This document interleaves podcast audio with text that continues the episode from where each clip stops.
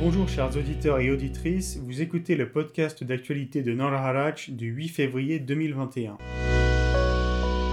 Politique. Le Premier ministre Nicole Pachinian et les parlementaires représentant son alliance MONPA se sont prononcés contre la tenue de nouvelles élections législatives pour résoudre la crise politique en Arménie lorsqu'ils se sont rencontrés dimanche soir. Dans une brève déclaration, MONPA a déclaré que les participants à la réunion ne voyaient aucune demande populaire pour la tenue de telles élections proposées par Pachinian le 25 décembre.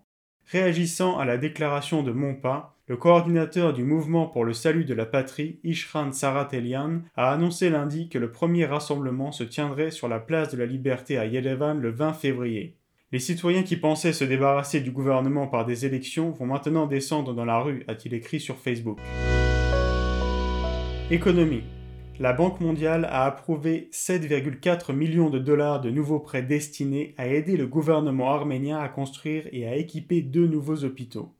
Dans un communiqué publié jeudi soir, la Banque mondiale a déclaré que la somme servirait de financement supplémentaire à un projet de santé lancé en Arménie en 2013. Elle avait alors prêté 35 millions de dollars à l'ancien gouvernement du pays. Le communiqué indique que le projet élargi comblera les déficits financiers pour la construction des hôpitaux qui seront situés dans les régions de Gerar Kunik et Vayotzorj. Le gouvernement a cité la directive du bureau de la Banque mondiale à Yerevan, Sylvie Bossoutro, indiquant que plus de 137 000 résidents locaux auront accès à des soins médicaux de qualité grâce au nouveau projet. La Banque mondiale a déjà financé la construction de 18 centres médicaux régionaux en Arménie, a déclaré Bossoutro. Europe.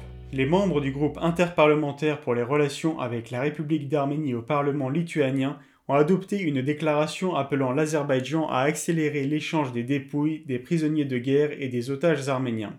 Les membres du groupe ont déclaré dans un communiqué Le retour inconditionnel et immédiat des prisonniers sera l'une des premières étapes vers le rétablissement d'un climat de confiance entre l'Azerbaïdjan et l'Arménie. Nous appelons également les institutions de l'Union européenne à soulever cette question humanitaire de manière cohérente dans le contexte des relations actuelles et futures avec l'Azerbaïdjan.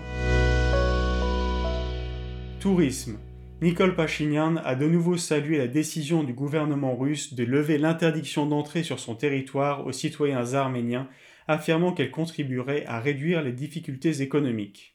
Après des appels répétés du gouvernement arménien, Moscou a autorisé la semaine dernière les citoyens arméniens testés négatifs au Covid-19 à entrer en Russie par avion du 1er février au 1er mars. Le vice-premier ministre Mehel Grigorian a déclaré jeudi que 1423 citoyens arméniens avaient pris l'avion pour Moscou et d'autres villes russes du 1er au 3 février. Plus de 1260 autres sont entrés en Arménie depuis la Russie au cours de la période de trois jours. Les vols à destination de la Russie depuis le deuxième aéroport international d'Arménie situé à Gyumri ont repris jeudi soir.